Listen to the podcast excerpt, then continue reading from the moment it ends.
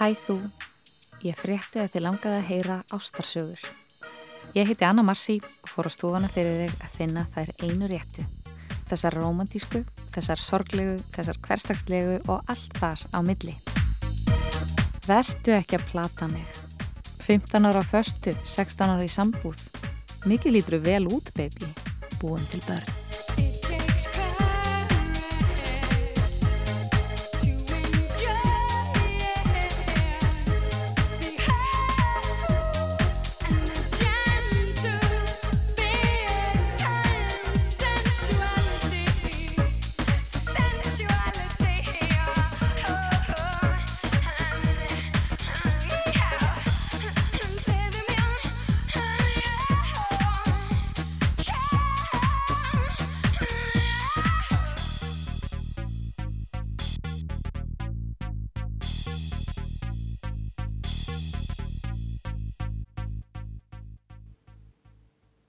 Þegar við missum ástvinn fá allar minningar á sig nýjan blæ. Vitneskuna um það að það verði aldrei fleiri minningar búnar til. Nema, ef við fáum aðgang að nýjum minningum um manneskuna, minningum annara, sem þekktu jafnvel hliðar hennar sem við fengum aldrei að sjá. Hlustum á Miriam. Pappi minn fættist 27. februar 1942 í Kæró í Egiptalandi. Hann var uh, sonur Salah Eldin Hafiz Awad sem var læknir og Afaf Lutfi sem var uh, húsmóður. Uh, pappi flutti til Íslands árið 1965 og bjóð það á Íslandi allar götur síðan og hérna var mjög metnaðfullur selunga og bleikjuveiði maður og það var eiginlega að hans eigin sögn einn helsta ástæðan fyrir því að hann ílengtist á Íslandi svona fyrir utan börninans en hérna já, pappi lést árið 2015 uh, úr, úr krabbamenni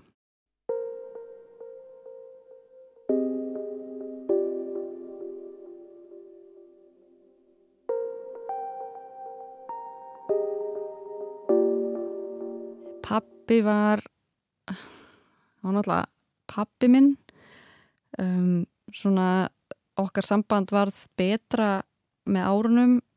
Svona þegar ég var úrlingur og það fannst mér í kynnastónum allt í einu betur sem mannesku hann var þrjóskur og hann var rosalega klár en hann hefði kannski ekki mentað sér mikið. Hann var öruglega með aðtilisbrest hann var rosalega góður í svona fara að spjallaði fólk upp á þurru. Bara, þú veist, fórum oft í bíltúra og kíktum í kólaportið eða fengum einhver ís eða pulsu eða eitthvað. Og það hittu velta einhvern sem að hann þekkti og ég var bara svona, já, hver var þetta? Já, þetta var hann einhver sem að ég vann og nefndi eitthvað eldgamalt íslenskt fyrirtæki sem að ég hafði náttúrulega, var bara lungu fyrir mína tíð. Hann hafði mjög mikla svona personutöfra held ég sem, sem manneski en, en hann átti líka bara mjög áhugaverða æfi og, og ég held að hann hefði núna líka kannski þjást svolítið fyrir það að pappans var mjög strángur í uppeldi og, og Afi var sagt, var læknir og var fyrsti blóðmennafræðingur Egiptalands þannig að pressan var mjög mikil á pappa sem elsta sinni og ég held að hann hafi svona aldrei unni almennilega úr því og, og ég, þú veist svona oft hugsað út í svona margt kannski mínu uppeldi svona hvað ég ætti að vera góð í, í námi og eitthvað svona hafi verið ákveðin svona kynsluða pressa frá afa mínum í rauninu óbeint sko. Þannig að, þannig að við sem sagt eignumst bara rosalega gott svona vináttu samband svona frá og með úlingsárum sko og hérna og ferðum saman og hérna fórum nokkur sinnum til Eikjættaland saman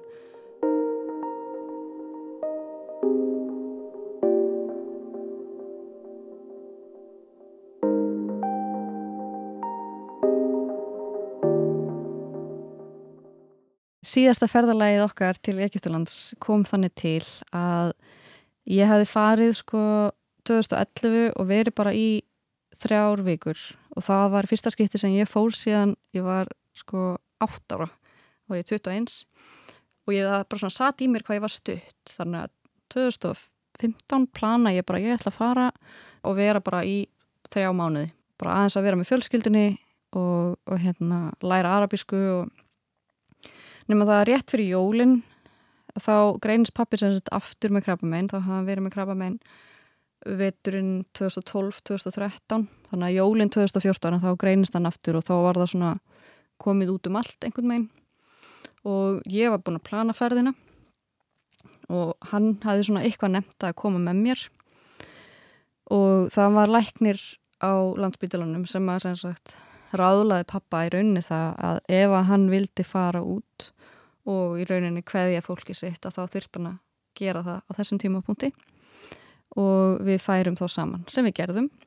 Það var kannski pínum svona skrítið að þetta var svona yfir, svona yfir vofandi hjekk svolítið yfir ferðinni en, en svo maður komin út í sólinu að hitta fólki sitt að þá gleimist það náttúrulega kannski bara fljótt og, og hann var bara mjög hressa að hitta alla og, og að meðan við erum í þessari ferð sem að sem sagt um, fyrir hann var í rauninni stitturinn mín, ég var áfram eftir að hann fór heim af því að hann sagt vildi ekki missa mikið úr lifið meðferðinu þannig að hann er hann með mér í svona einn og hálfa mánuð og hann átti ammali rétt eftir að við komum út. Og meðan við erum úti að þá er, er svona endufundir í gamla grunnskólanum hans. Það hafði verið þannig að hann komst ekkert oft svona seinustu árin bæði vegna veikinda og bara vegna bara fjárskort eða anna. Á þessa endufundi þá sérstaklega ekki það sem að voru í Kæró en, en það eru líka haldnir endufundir í London reglulega. Og hann hafði alltaf talað svo vel um þetta þannig að auðvitað ákvaði við að fara. Og mér skildist emitt eftir á að þessi dagsending hefði verið valin með það í huga að hann kæmist að því þau vissu að hann var að koma. Hvort að viðbyrðunum hefði verið flýtt eða eitthvað svo leiðis og þarna á þessum viðbyrði að þá var hópur af fólki sem hefði verið með pappa í grunnskóla. Og þau hafðu látið útbúa afmælisköku fyrir hann. Og þessir endurfundir eru þau raunir svolítið til að heiðu svona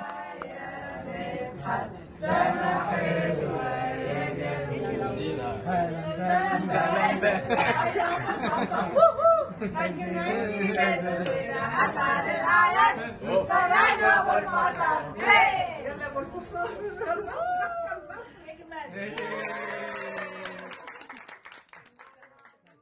voru svona tilfinningaþrungin stund af því að þau voru að syngja sko ammælsöngin á arabísku sem að sagt, orðin þýða megur lifa í hundra ár eða öll hundrað ár þín verði góð eitthvað svo leis sem er náttúrulega kannski mjög erfitt að, hlusta á sungið fyrir mann þegar maður veit að maður er á kannski ekki mikið eftir. En, en svona tárin hurfur fljótt þegar það var einhver farin að spila piano og allt eldra fólki farið að dansa. Þetta var alveg stórkoslega dagur sko og ég held að hafi einlega fyrir mig eða svona því ég hugsa um það kannski bara gert þessa ferð ég meina auðvitað mikilvægt að hitta fjölskylduna en, en þessi að þessi viðbyrður hafi verið þarna og að hitta þessa gömlu vínin sína hafi kannski verið svona eiginlega það sem gerði ferðina sko, fyrir hann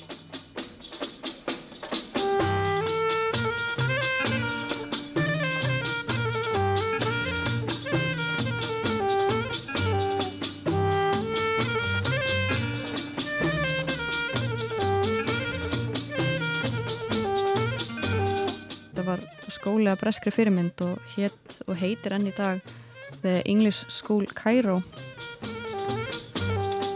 Pappi var í þessum skóla um, sennilega held ég byrjaðan veturinn 1948 og er alveg til 1956 þannig að þetta er bara svona grunnskóla ganga hann var held ég 14 ára þegar hann hættir. Já og fer sagt og þá fer hann í svona ég veit ekki hvað maður myndi kalla únlíka deild þá er sendur sem til Englands. Þetta er tími þar sem að ég myndi aldrei halda að fólk væri endilega með einhverja endurfundi. En, en stemmingin í þessum skóla var vist bara þau voru bara ótrúlega náinn og þau kæftu saman í íþróttum og það var, það var heima vist í þessum skóla þótt að hann bjó náttúrulega ekki á henni því hann bjó bara, þetta var í hverfinu hans skólakerfið var allt brest og það var sungið veist, God Save the, the King og svo God Save the Queen setna, um, hverju mótni eða eitthvað þannig og skólabúningar að breskum stíl og, og kennararnir flest allir breytar en það voru þannig eins og skóla já, Egiptar breytar, frakkar armenar, ítalir fólk frá Líbanon, Sýrlandi Greiklandi, þetta var mjög fjölþjóðlegu skóli en það hverfið sem að hann bjó í mjög fjölþjóðlegt og má ennþá finna, það eru ótrúlega margar, það eru náttúrulega margar moskur, það eru kirkjur og það má ennþá finna sínagókur þarna líka sem eru uh, því meður ekki mikill í nótkun en,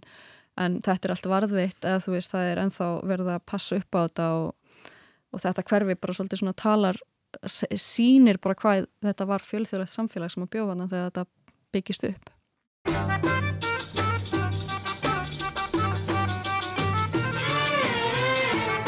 Stemmingin til dæmis í Egiptalandi, þess að pappi ólst uppið var einmitt, þú ert bara Egipti fyrst, svo skipta trúabröðin ekkert eins miklu máli, sko.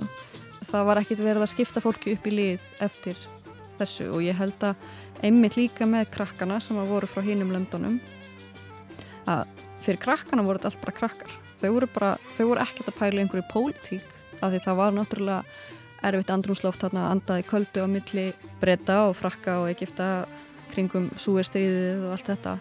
Þú veist, þau voru ekkert endilega að pæli því. Þau voru bara vinir í skólanum sko.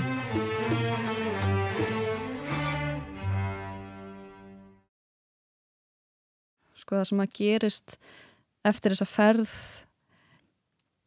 pappi náttúrulega fellur frá bara í apríl þetta sama ár og ég er ennþá úti í Egetalandi og hérna sem var mjög surrealist og en á, á sama tíma líka frábært að því að ég var með fjölskyldinni og náði svona einhvern meina tengjast honum á annan hátt. Og þeirra sagt, þeirra viðhorf hvert döðanum einhvern veginn kom mér svo óvart sko að því að ég var hann bara hvað á ég hérna, hvernig á ég að hegða mér? Ég er í allt öru menningar heim og þau voru bara klæðið í svart. Nei, nei, nei, nei, bara klæðið eins og vilt. Og ég var eitthvað, ok, ég held að ég þurfti að sína það, ég væri að sirkja og þau voru bara, já, já, þetta var bara Guð að sína þér að, að hvað þú ert góð dóttir, að þú þurftir ekki að horfa upp á hann vestlast upp og degja það var viðhorað sem ég hefði bara svona já, ekki það, ég hefði vilja vera hérna. Það var nefnilega búið að segja við okkur að hann hefði sennilega út sumarið, þannig ég var svona bara ætlaði bara að klára ferðina, þú veist, í loka april byrjun mæ þá var hann farin sko í lók mars. Þú veist þannig að það var ekkit svo langu tími sem ég var hann að aukarlega sko og svo bara gerast þetta mjög rætt hann í lókin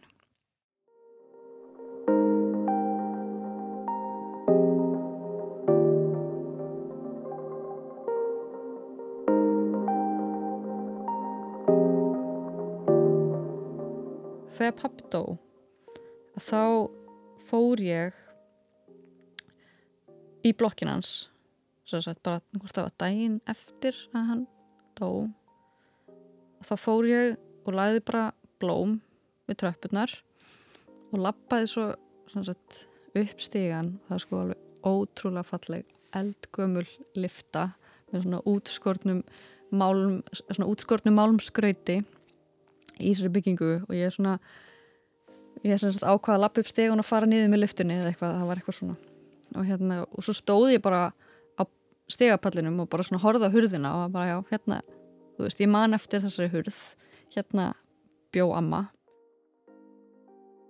Og svo þegar ég var búin að eiga mína stund hann inni sem var þetta tröflið af einhverjum þrifa gæja sem var pínu hissa á að ég stæði hann inni og ég svona sagði á mjög lélæra arabísku að hérna pappi minn bjó hérna. Og hann bara hvað já, ok. Held áfram að skúra.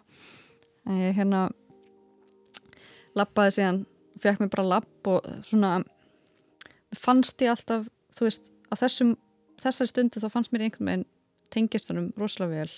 Og ég hef einhvern veginn alltaf séða fyrir mér að þegar að hann, sérst, ef ég ímynda mér hann farin að þá sé ég fyrir mér sko litla svona, svona lítinn sex ára strák hlaupa upp stígan til mömmu sinnar.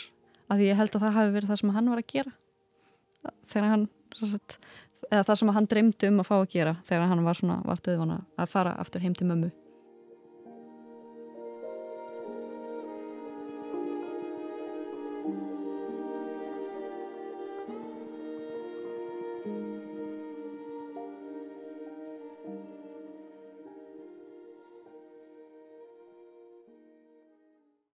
Pappi var nefnilega rosalega þú veist, hann var rosalega mikill mömmustrákur og það var held ég mjög erfitt fyrir hann að vera svona langt frá mömmu sinni. Þú veist, hann átti öruglega í erfiðu sambandi eða svona kannski stressandi sambandi við pappa sinn. Og meðan amma mín var bara svona svona hjartalí mjög hlæjandi góðlátt kona sem elskaði nýjustu tísku frá París og eitti mjög miklum peningum í fött og gerði held ég afa minn svolítið gráherðan að því en það var hún mjög flott í taunu sko. Ég á vídeo-upptöku frá því að við vorum hann þegar ég var einsás þar sem að hún, hún segir á íslensku kissa amma líka. Og hún bara búin að læra það?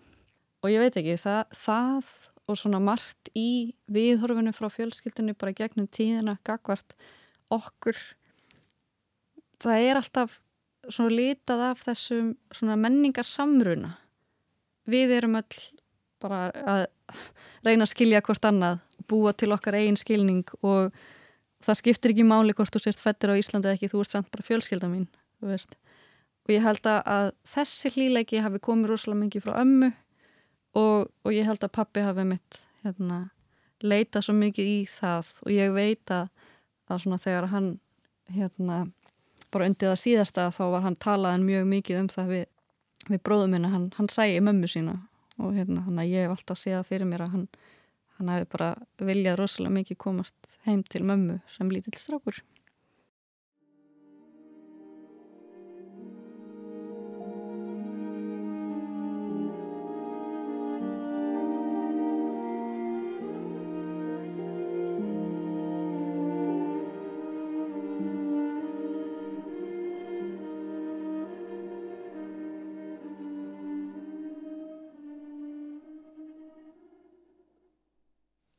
ég átti hérna bara, bara mjög svona tilfinninga þrungna stund og fæ mér svo lapp og er eitthvað bara að dásta blómunum og, og bara horfa húsin og svo allt í hennu er ég bara fyrir fram á skólan og mér fannst þetta að vera pínir svona eins og hann hefði kannski leitt með ángað um, ekki það að ég hérna, ég kannski hugsaði ekkit meira út í það þá af því þá var ég ekki búin að melda kannski þannig að þessa endurfundi sem ég var með honum á nokkurum vikum fyrr en svona eftir á higgja þegar ég skoða myndirnar og bara hvernig ég rampaði á hann inn í þessu hverfi á þess að vita, þú veist ég vissi bara að hann var nálagt, ég vissi ekkert endilega hvað hann var að þá svona að mér fannst einhvern veginn sem ég hefði svona farið einhvern heilan ring með þetta. Og ég fór útrúlega sátt frá þessari göngu. Svona eins erfitt og þetta var að vera svona langt í burtu frá öllu og, og hérna þótt að mínar persónulegu minningar tengist þessum skóla ekki neitt að það finnst mér eins og svo margt af því góða sem að hann talaði um sem að var, voru greinlega hans bestu stundir sem bann það er tengdust þessum skóla.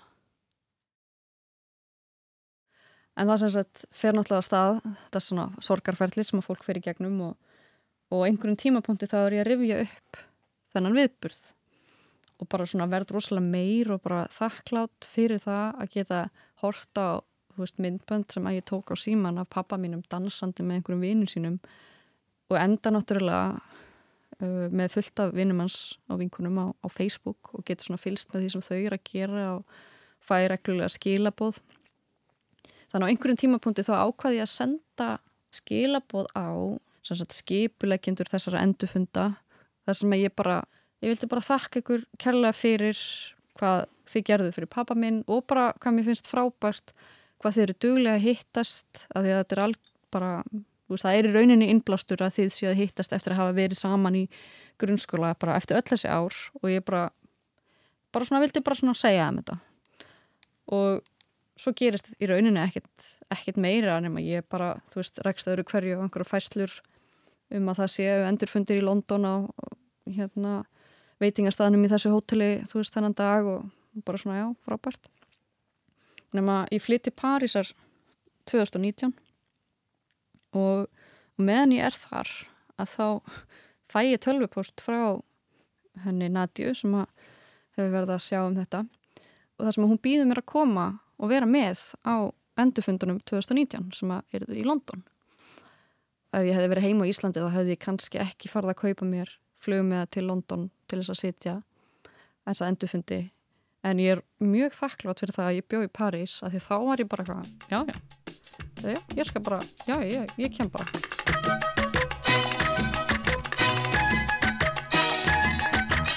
Svo dætt mér sem sagt í huga að slá tvær flugur í einu höggi og hitta ástu vinkuna mína sem að bjó í Oxford á þessum tíma.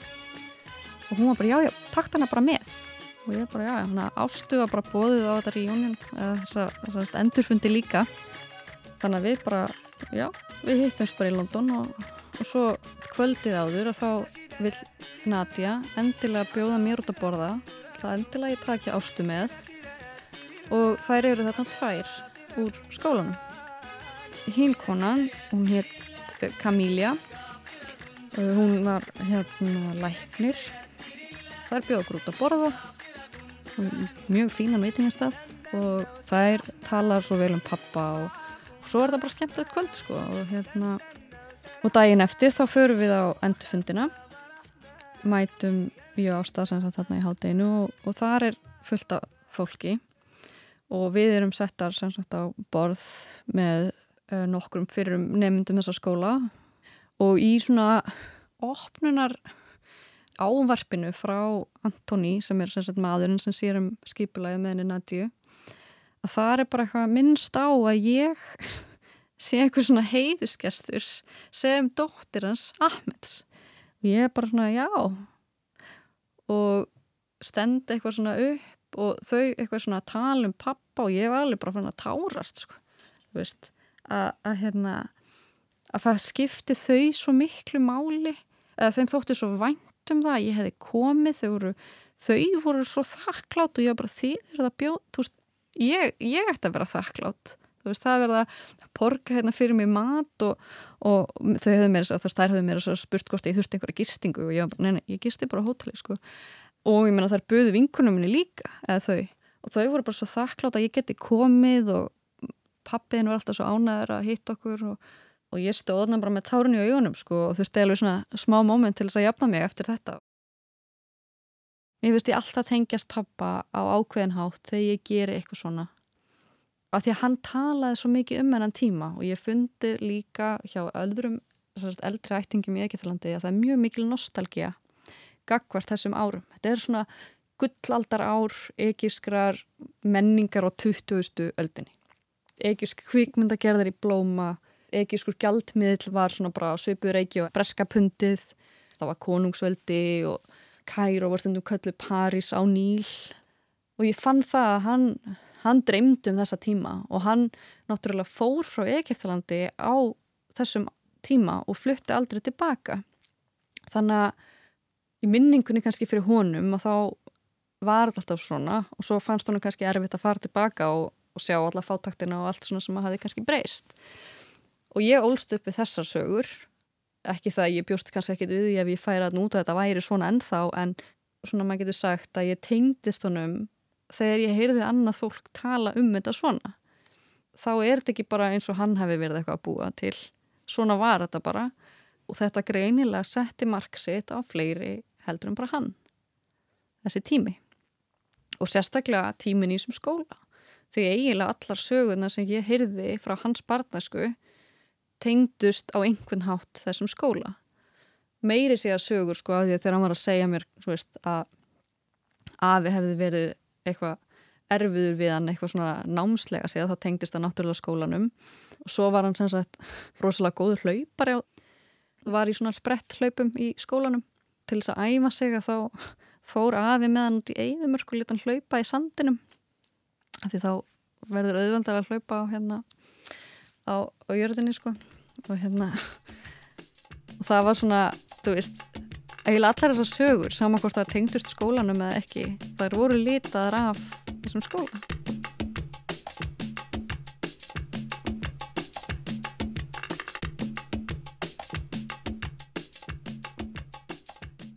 Svo eftir hátegisverðin í London að þá fer ég bara eftir heim til Parísar þakka sjálfsögðu kærlega fyrir mig og, og sendi, sendi posta á, á Nadju og hana Kamíliu sem að hafi verið með okkur í matnum og einmitt náttúrulega var rosa duglega að koma til minni í hátíðsverðinum og svona taka utan á mig og pappiðin var svo frábæra, hann var svo, svo mikill prakkari, já, hann var típan sem að setja teiknibólu í stólinn hjá kennaranum og meðan hinn sátu og voru stilt sem var kannski eitt af því sem fór í tönar á afa mínum. Kamília, hún kunni greinlega með þetta og hún saði sjálf að hún hafi verið eins típa, bara svona stelpu útgáfa af pappa. Sem að kannski var ástæðan fyrir því að þau náðu vel saman. Og ég man eftir á heikja eftir henni frá þessum endurfundum í Kæró þannig með pappa emitt, hvað hún var ánað að sjá hann. Og hún var bara mjög stór karakter svona lífleg og skælbrósandi alltaf en svona pínusgröðleg svona með smá svona upna hárkollu mikið máluð og svona algjör skvísa. Orðin svona aðeins eldri greinlega með eitthvað smá botox og hérna en hún var svona hún var svo hlý við alla. Hún var greinilega svolítið svona miðpunktur partísins að einhverju leiti en hérna þannig að ég þakka þeim fyrir og ég man ekki, ég held að ég hef bættin báðum við á Facebook. Sem er gaman að fylgjast með með því sem að þetta fólk er að, er að gera sem að ég hef kynst í gegnum hann. Og svo held ég bara áfram að, að sinna mínu í lífi í París og svo fæ ég skilaboð frá Kamíliu og ætla alveg endilega að hitta mig að því að hún er að koma til Parísar og, og bjóða mér í hátegismat og ég bara, já, já, já ég, ég er laus þennan dag en það, hvort þetta var í ágúst og það er eða svona sumafrí og allt svona í, í Fraklandi og lítið að gera í vinnunni og þannig að ég fór með henni, fór að hitti hana. Og, og ég bjó upp í átjöndakvarfi rétt hjá Sakri Kör og hann er langaði mitt endilega að fara þangað af því að hún komst ekki í Notre Dame og við förum og hittumst sem sagt fyrir utan kirkjuna. Og ég hérna tek hana svona upp á armin látti erfitt með gang og hún var með hérna svona litla flugfræði tösku og, og svona tösku ofan á henni komst setna að því að það var mjög mikið að Kleenex pökkum í töskunni og við förum inn í kirkjuna og tökum hana góðan rúnd og og hún sest og, og kveikir á kerti og það er svona, maður getur kveikt á kerti og skilið eftir og, gefið nokkar refur eða eitthvað í kirkjubökin og göngum hann að ring og svo sest hún niður og byður einhverja bænir og, og vil svo fara í gjafabúðina. Hún er hann að heilengi að velja alls konar bænabönd og eitthvað, alls konar dót líkunar kirkjunni fyrir vinn sína heima í Egeftalandi og hún segir við mig sko því að Kamília var muslimi og hún segir við mig já Mirjam sko þetta er allt í rauninni sami guðin það skiptir ekki máli í hvernig byggingum maður er. Maður getur alltaf beðið til hans og þetta fyrir mér þótt að ég sé sjálf kannski svona frekar trúlaus eða svona ég trúi kannski frekar bara á það góða í fólki og ekkit, fylgja ekkit endilega einhverjum bókum að hérna, þetta var svona akkurat eitthvað sem pappi hefði sagt og held ég tali svolítið fyrir andrumsloftið sem að þau ólist upp við.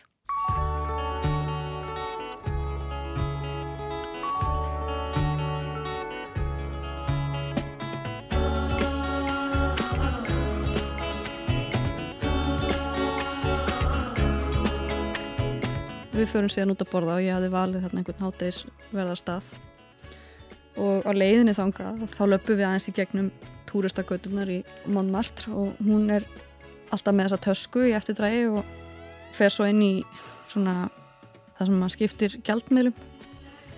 Hún talaði fransku líka þannig að það þurfti ekkert að ég þurfti ekkert að aðstafana þar að ég hefði öruglega bara staðið með ennþá verða en hún því að hún náði að prúta niður verðið á, hún var held ég að skipta dollurum í efur hún fekk það á einhverjum, þú veist, miklu betri díl heldur en var auglist í glukkanum þú veist, hún var rosalega ákveðin en það var allt ógst að skemmtilegt. Svona, þú veist, hún var, þegar hún var að tala við stelpuna, það var svona, þú veist, ég ætla að fá þetta á ódurara verði, en hún var alls ekkit ókurteis. Og það var bara svona, byrja, við erum bara vinkunur er þetta ekki bara ógst að gaman það hjá okkur? Og vilt ekki bara, þú veist, ég menna, þú lítur að geta að gefa mig betri díl heldur en þetta. Þú veist, það er bara, jú, jú, heyrðu, mér fannst þetta ótrúlega skemmtilegt. En sama tíma inni þá voru tvær bandarískar konur og ég sá að það er svona þeim fannst hún virka mjög hallarsleg það töluði náttúrulega ekki frönsku og skildi ekkert samskiptin en hún var aðna eitthvað svona að vesnast með flugfræði törskuna og, og veskið sem hún var með og það var, þú veist, Kleenex pakkar að fljúa upp úr törskunni og þeim fannst hún greinlega mjög hallarsleg en ég veit að þær fengu alls ekki sama díl á þessum þegar þær skiptu sínum dólarum og, og hún, sko og svo við, höldum við áfram og þá dregurum við inn í einhverja svona inn í bara næstu túristabúð og vil endilega kaupa fyrir mig. Bara veldu þér eitthvað. Ég er svona, þú veist ég er búin að búa í París hérna í 8 mánuði núna skilur, ég þarf ekki eitthvað á túristabúð. Jújújú, jú, jú, ég ætla að kaupa fyrir þig. Og ég er svona, ok viltu, viltu svona? Og þú veist að benda alls konar hluti, viltu, viltu svona effekturn og ég bara, nei. Og endaði því að velja mig botla sem að ég nota. Alltaf þegar ég fæ mér te og, og heitt kakó. Til, til heiðurs henni Kamílju. Og lítið veskir endar svo fyrir við út að borða. Pantum mjög franskan hátægismat og hún eiginlega pantar eitthvað sem að hún borðaði ótrúlega lítið af. Svona eiginlega kroppaði bara aðeins í þetta drakk ótrúlega mikið kvítvin og gaf mér svo eiginlega bara restin af matnum sínum sko. Og ég er náttúrulega bara starfsnemi á þú veist að borga háa leigu og bara svona já ég er alveg til að taka bara ósnertar mat sko svona með mér í doggy bag sko. Og hún var hann að mjög hress að tala við þjóninn og sæði þjóninu með mitt sko að hún væri frænka mín. Je suis sa tante sem þýðir að hún er þá annarkvort móður eða föðusisti mín sko. Og hann var alveg bara já, já ég sé hvað eru líkar og ég og henni fannst það sjúklega fyndið og þú veist, blikkaði mér svona ég, ég saði náttúrulega ekki neitt sko. bara hló, þakkaði fyrir okkur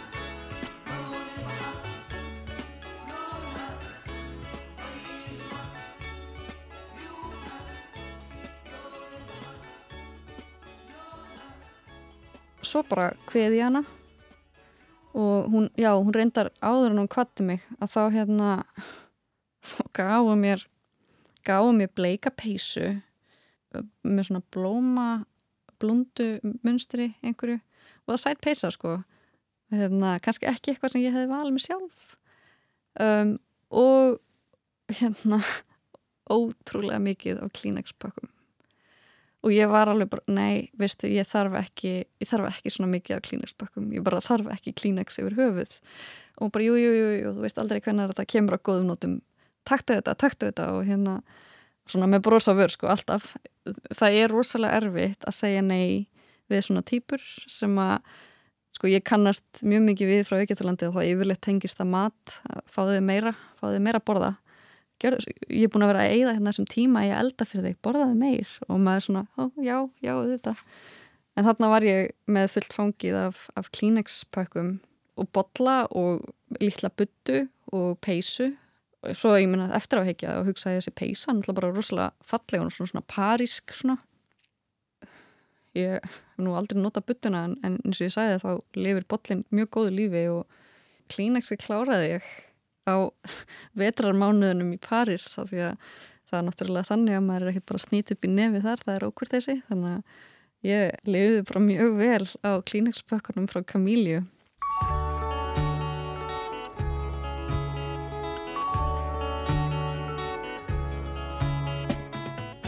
svo öðru hverju eftir að hún fór heima þá heyrði ég í henni. Hún ávarpaði mig alltaf sem ó barnið mitt, my dear child how are you? Það var rosa gaman alltaf að heyri henni. Hún svona skrifaði stundum allt í kapslokk og þá heyrði ég henni svona svolítið segja þetta svolítið hátt og, og þó við kannski gætum sagt að við hefum ekki verið á sama pólitiska meiði, hún var til dæmis eins og ég held að margir sko Egiptar sem eru bara vanir einhverjum herfóringja stjórnum hún, var, hún, held, hún trúði því sem staðfastlega að, að Trump gæti samin að Egipta og Ísraela til að losna við muslimska bræðralægið hún var svona ekki hrifin að því. Þegar hún var að tala um trúabröðu þá talaði nefnd um það hvað hún elskaði kristni og gíðingdóm og, og stundum gengjunum með krossahálsmenn og stundum með Davís-stjórnunum hálsin bara af því að af því að hún vildi líka bara að fólk myndi kannski eftir þessum tíma þar sem að Egiptar voru bara alls konar. Að einhverju leiti gæti maður sagt að þessi kona hafi kannski verið pínu svona sérvitur og, og, og einhverjum kannski fundist hún ruggluð en það var alltaf einhver svona góðmennska sem að lá að baki öllu sem hún gerði. Og hún heyrði í mér öðru hverju og svo var hún alltaf að búið til nýja Facebook-prófala og alltaf mér þá, ég held að ég sé sko með þrjá sagt, prófala mismunandi.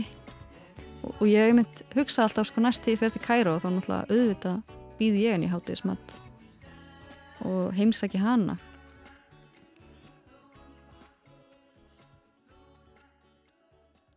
Svo fyrir nokkru mánuðum og þá fæ ég skilabóð frá henni Nadju þar sem hún læti mig vita að Camilla sé fallin frá. Og, og ég bara ég fór bara að gráta ég fór bara að hágráta.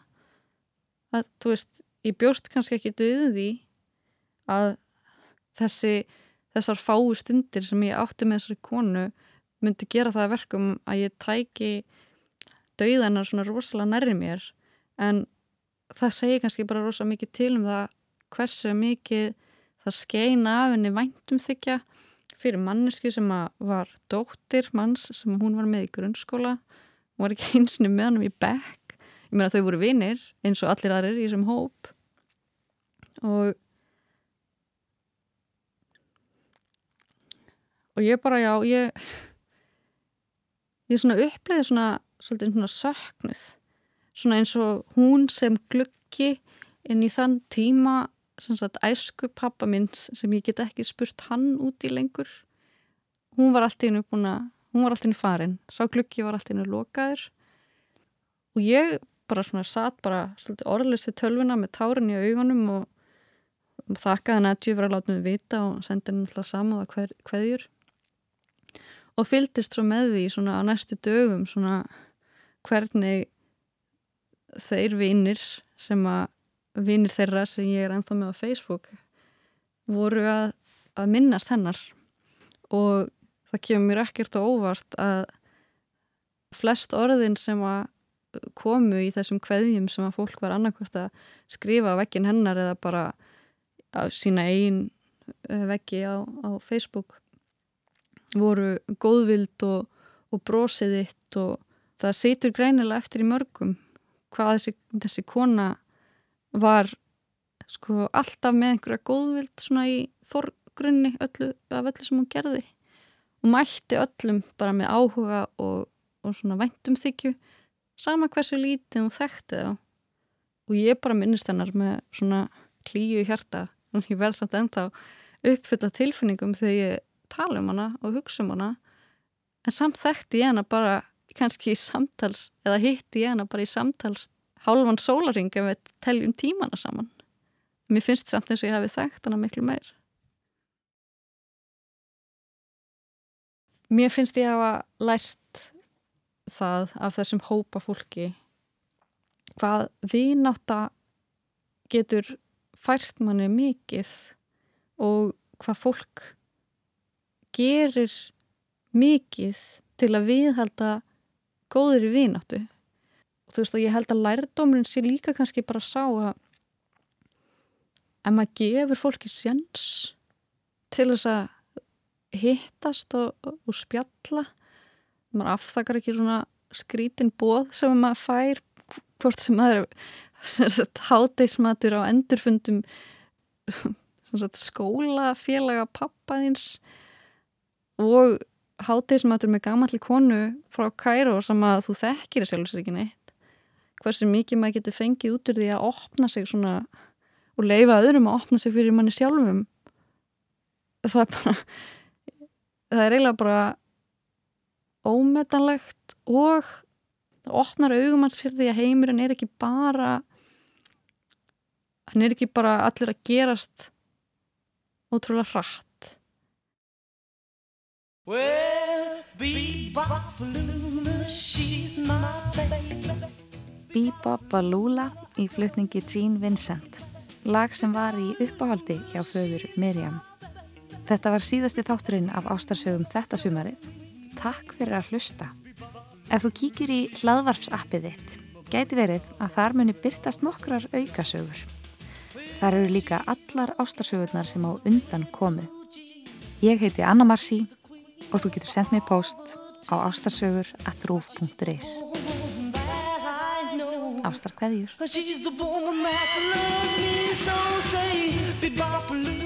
She's